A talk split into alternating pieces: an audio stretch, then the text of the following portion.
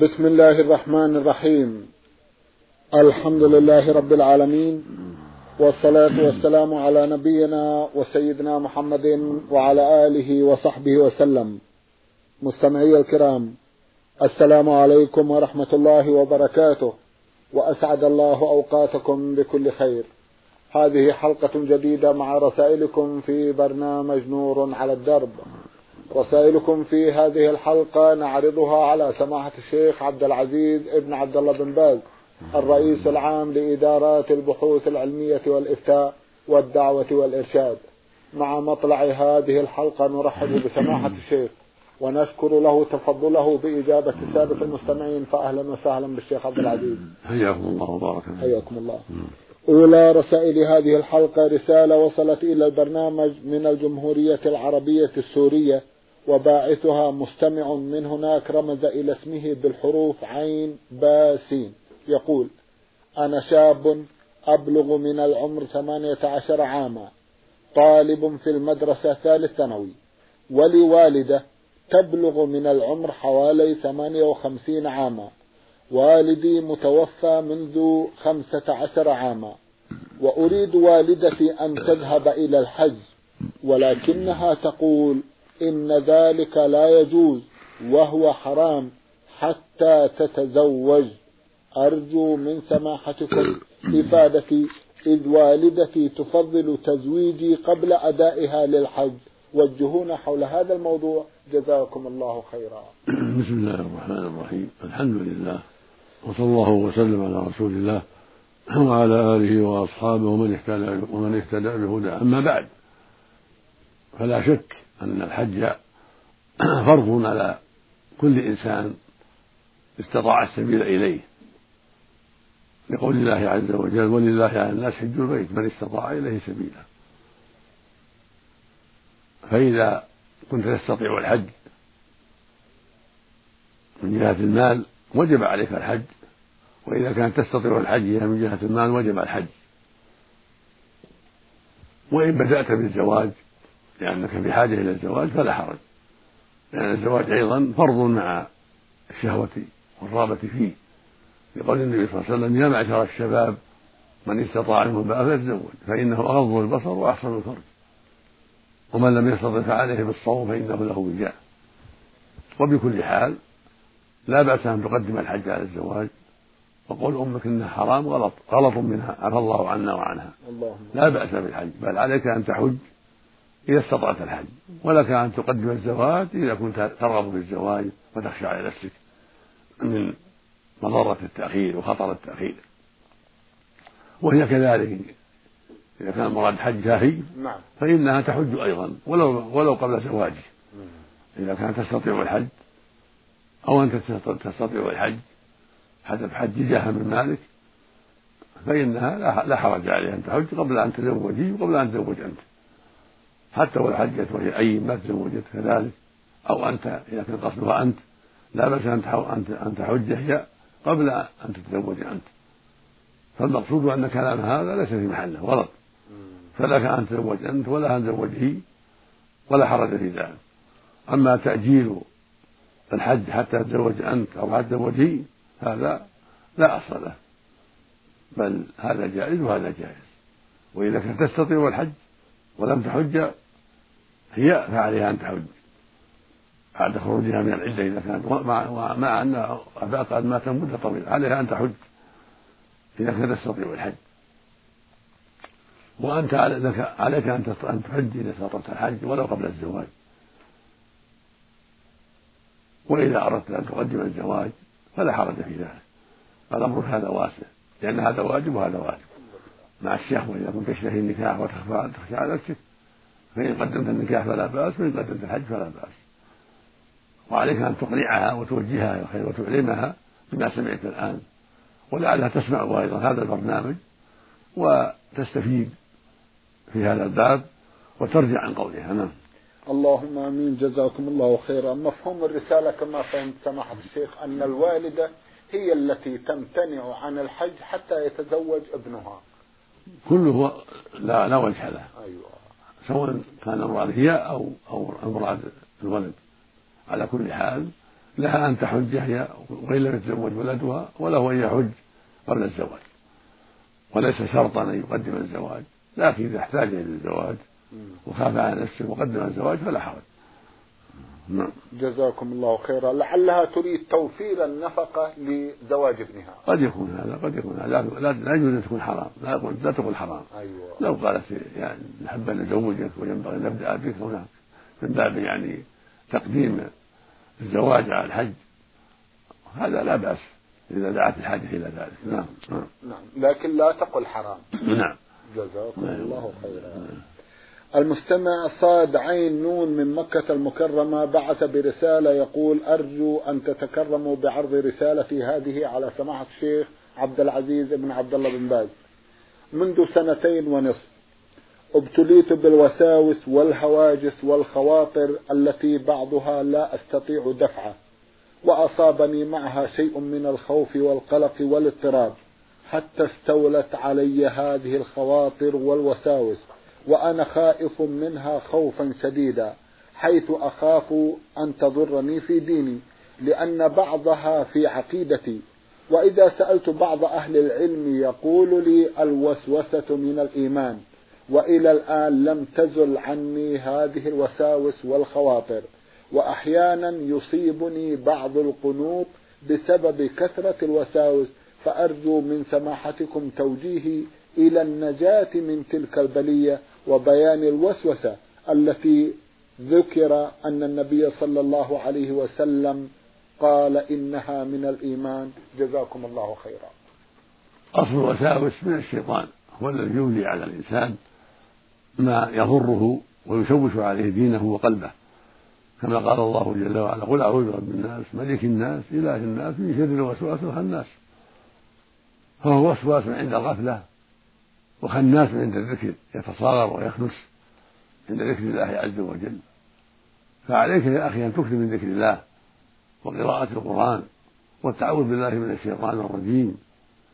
فالنبي صلى الله عليه وسلم لما قيل له قال بعض الصحابة يا رسول الله إن أحدنا لا يجد ما لا أن يخر من السماء أحب إليه من أن ينطق به. يعني يجد من الوسوسة أشياء يفضل أن يخر من السماء ولا ينطق بها لشدتها. فقال ذاك صريح الإيمان. المعنى أن الشيطان لما يئس منهم أتاهم بوساوس شديدة خطيرة في دينهم وعقيدتهم لا يخر من السماء أهون عليهم من أن ينطقوا بها. فهذا من من كيده الخبيث. فهو صريح الإيمان من جهة ما في قلب المؤمن من كراهتها وإنكارها والحذر منها هذا صريح الإيمان. ليست بوسوسة من صريح الإيمان بل و بل كراهتها والخوف منها والحذر منها. كون المؤمن لأن يخر من السماء أسهل عليه من أن ينطق بها. هذا صريح الإيمان في قلوبهم. يعني أن قلوبهم أنكرت تلك الوساوس ورأت أن السقوط من السماء أهون من النطق بها. كأن يقول له إن الله غير موجود. أو أن الله لا يجوز أن يدعى من دون أن يدعى أو لا, أو لا بأس أن يشرف معه غيره في الدعاء والعبادة. أو يقول كما جاء في الحديث الله خلق شيء من خلق الله. وأشبه هذه الوساوس المتعلقة بوجود الله واستغراقه العبادة وأنه خلاق عليم. أو المتعلقة بالجنة والنار فأن يوسوس أنها أنه لا جنة وليس هناك نار. ولا بعث ولا نشور كل هذا من وساوس عدو الله وإنكار هذه الوساوس من صريح الإيمان. إنكارها واعتقاد بطلانها هذا هو صريح الإيمان. فالمؤمن أرشده النبي صلى الله عليه وسلم إذا رأى مثل هذا أن يقول آمنت بالله ورسوله أعوذ بالله من الشيطان الرجيم. هكذا أمر الصحابة رضي الله عنهم. قال لهم إذا وجدتم ذلك فقولوا آمنت بالله فليقل أحدكم آمنت بالله ورسوله وليتعوذ بالله ولينتهي هذا هو الدواء لهذه الوساوس الخبيثة. إذا رآها المؤمن يقول آمنت بالله ورسوله أعوذ بالله من الشيطان الرجيم. ويمضي في حاجته. يستمر في حاجته ولا يركن إليها ولا يلتفت إليها. أما الوسائل الأخرى في صلاته وفي وضوءه فهي أيضا من الشيطان يجب أن لا يلتفت إليها. يجب أن يحذرها فإذا توضأ لا يعد الوضوء وإذا صلى لا يعد الصلاة بسبب الوساوس لا بل يعتقد أن صلاته صحيحة ووضوءه صحيح ولا يلتفت إلى وساوس عدو الله فإنه حريص على إفساد أعمال بني آدم وتشويش قلوبهم وإحراجهم فالواجب الحذر منه بالتعوذ بالله من شره أعوذ بالله من الشيطان الرجيم. ولو في الصلاة إذا وسوس إذا كان في الصلاة وكثر عليك الوساوس تقول أعوذ بالله من الشيطان تنفث. تنفث عن يسارك ثلاث مرات تقول أعوذ بالله من الشيطان الرجيم. فقد اشتكى إلى النبي صلى الله عليه وسلم عثمان بن أبي العاص الثقفي رضي الله عنه وقال يا رسول الله إن الشيطان إن الشيطان لبس علي صلاتي. فأرشده النبي صلى الله عليه وسلم أن يستعيذ بالله من الشيطان ثلاث مرات. في الصلاة يدخل عن يساره ثلاث مرات ويقول أعوذ بالله من الشيطان ثلاث مرات. ففعل عثمان ذلك وزال عنه ذلك الوسواس.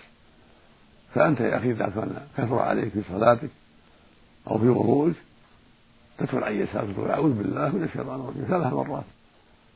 والله يعيذك منه سبحانه وتعالى.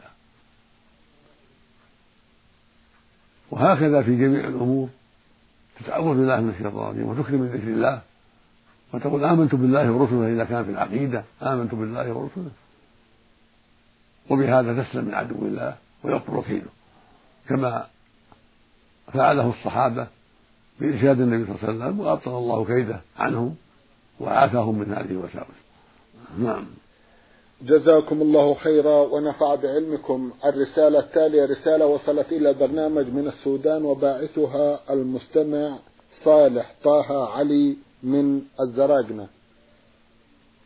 الأخ صالح يقول في رسالته عندنا في السودان ناس يدعون إلى الإسلام ويعملون لإعلاء كلمة الله وتطبيق شرع الله ولكن تطالعنا صور بعضهم وهم من قادة هذه الدعوة بدون لحى أي يحلقون اللحية.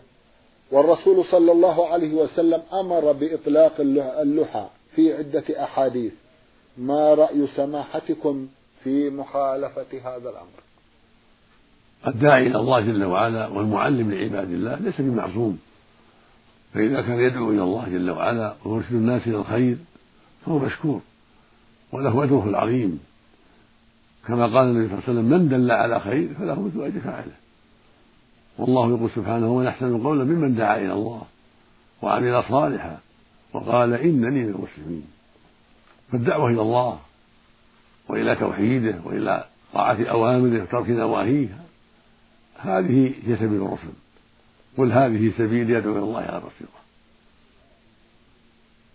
والداعي إلى الله قد يقع منه بعض المعاصي ليس بمعصوم فلا تزهد فيه من أجل هذه المعصية. اسمع ما يقول من الحق. قال الله قال رسوله واستفيد من ذلك وانتفع بذلك. وادعو الله له أن يوفقه لتوفير لحيته وإكرامها وإعفائها فلا شك أن أن حلق اللحى محرم ومنكر. كما قال النبي صلى الله عليه وسلم قصوا الشوارب وأعفوا اللحى خالفوا المشركين. وقال عليه الصلاة والسلام قصوا الشوارب ووفروا اللحى خالفوا المشركين. وقال في اللفظ الآخر جزوا الشوارب وأرخوا اللحى وأرخوا اللحى خالفوا المجوس. كلها حديث صحيحة. بعضها في الصحيحين وبعضها في صحيح مسلم. فالواجب على كل مسلم وإن كان من غير أهل العلم أن يعفيها وأن يوفرها وأهل العلم أولى بهذا لأنهم الدعاة ولأنهم القدوة فالواجب عليهم أن يوفروها وأن يحترموها طاعة لله ولرسوله وعملا بشرع الله. وحتى تقبل دعوتهم وحتى لا يساء بهم الظن. لكن لو قصر في ذلك فإنك لا تترك الاستجابة لدعوته في الحق وعليك أن تقبل الدعوة في الحق وإن كان صاحبها مقصرا في بعض الأمور. فليس الداعي إلى الله كاملا ولا معصوما. فقد يأمر بالمعروف وينهى عن المنكر ويدعو إلى الله وعنده بعض النقص. فاقبل منه فيما دعا إليه فيما دعا إليه من الخير والهدى وانصحه فيما قصر فيه.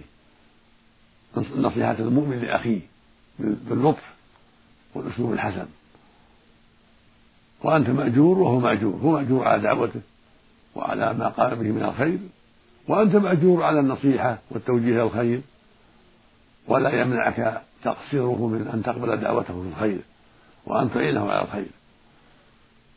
وفق الله الجميع. نعم. اللهم آمين. جزاكم الله خيرا. يقول أيضا الذين يقرؤون القرآن للميت يعتبرونه صدقة له.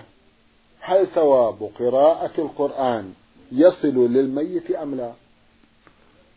هذه المسألة فيها خلاف بين أهل العلم.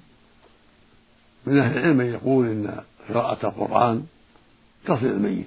إذا قرأ وثوب الميت تصل إليه. كما يصل إليه الصدقة والدعاء والحج عنه والعمرة وأداء الدين. ينتفع بهذا كله.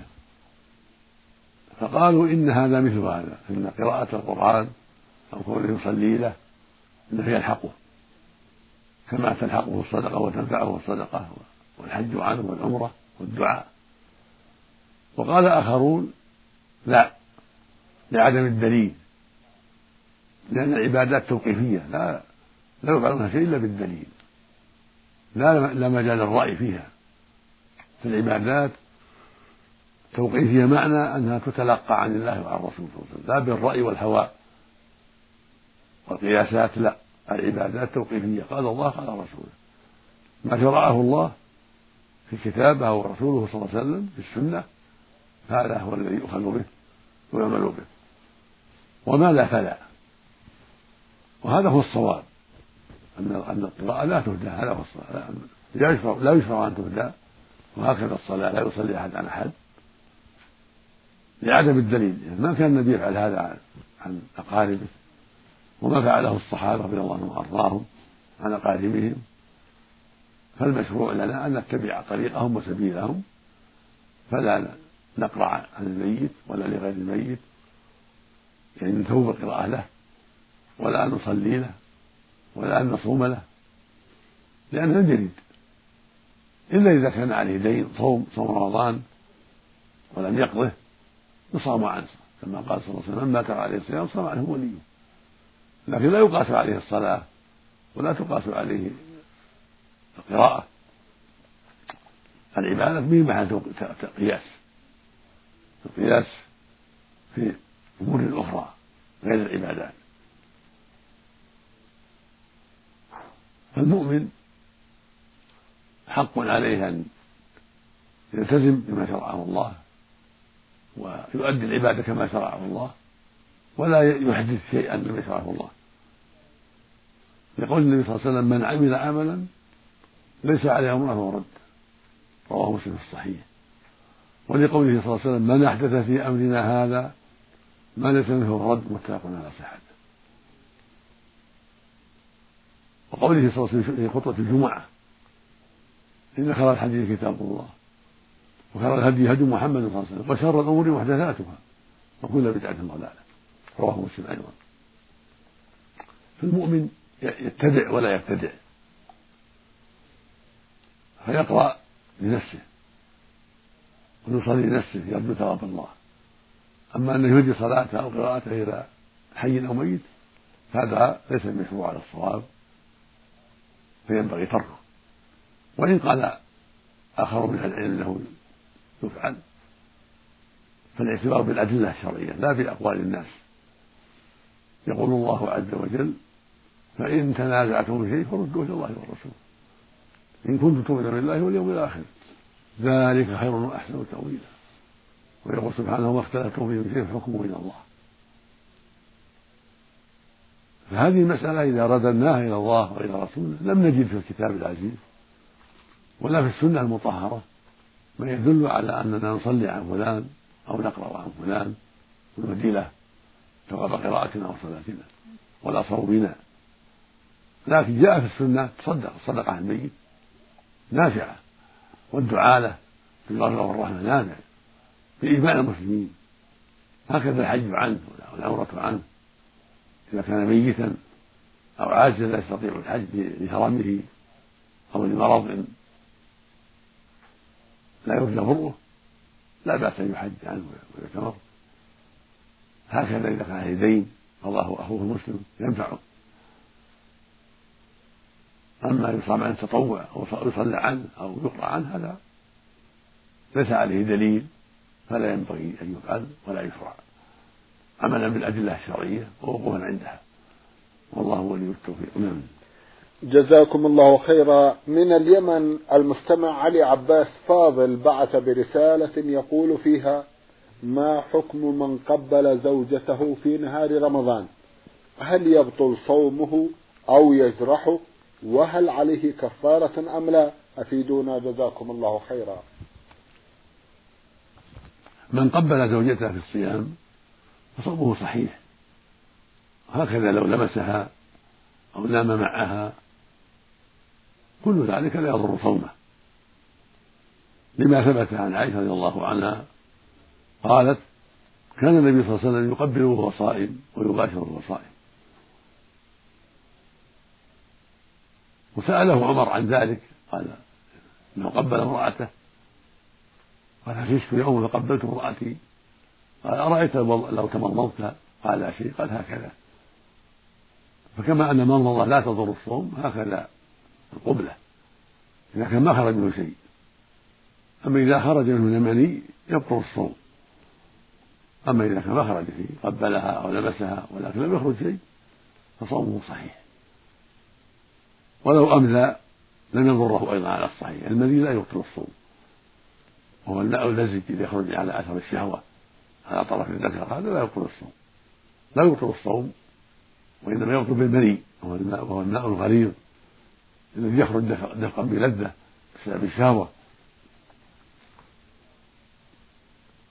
وإذا كان يخشى لشروع شهوته فينبغي له ترك التقبيل.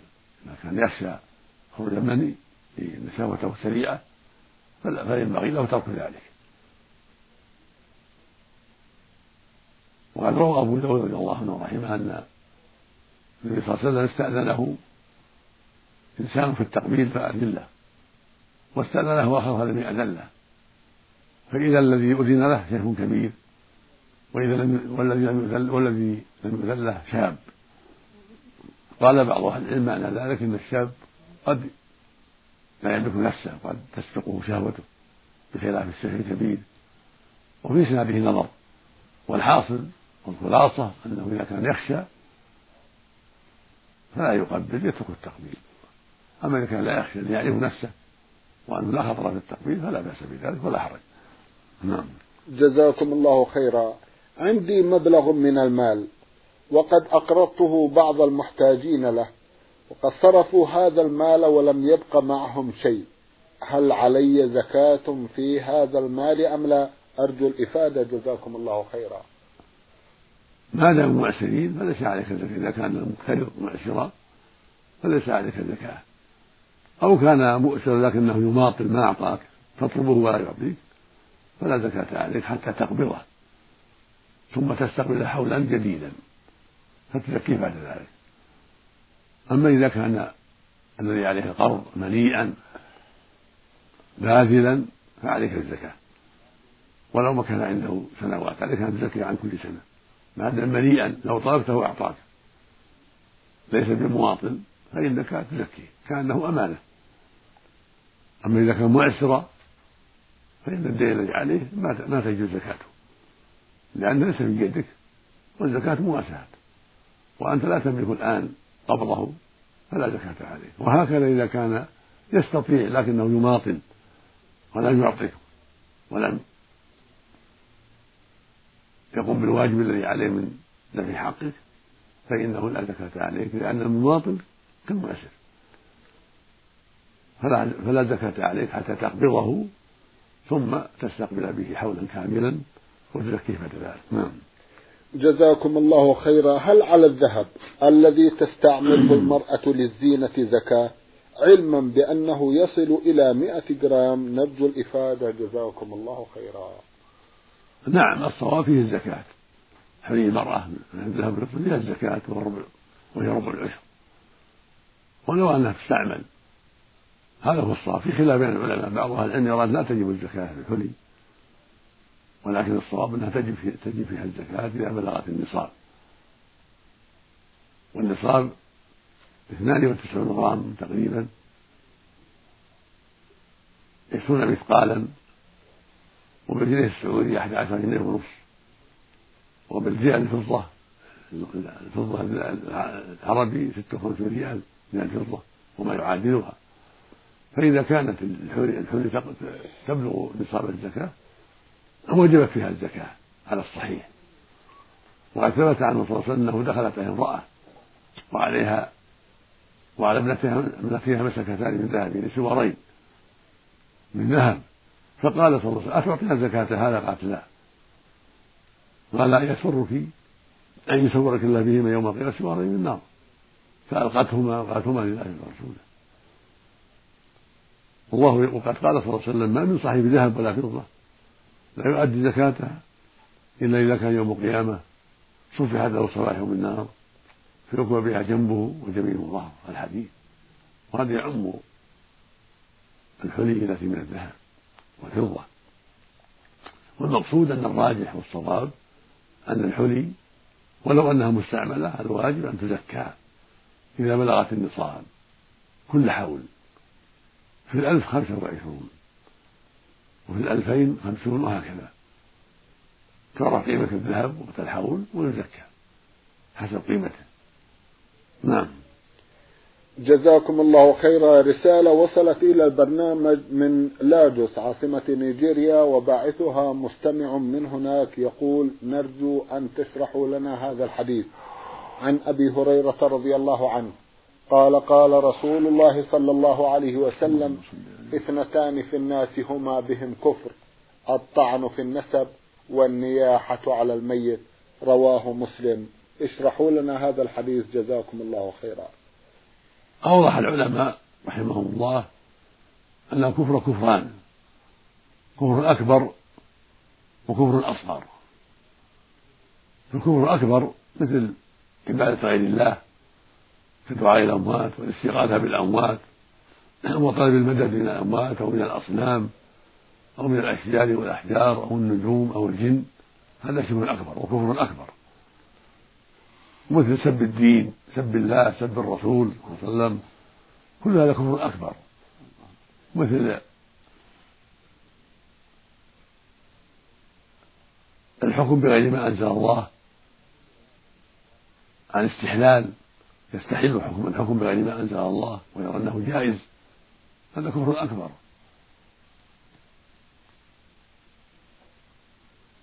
وما أشبه ذلك من نواقض الإسلام كجحد وجوب الصلاة أو جحد وجوب الزكاة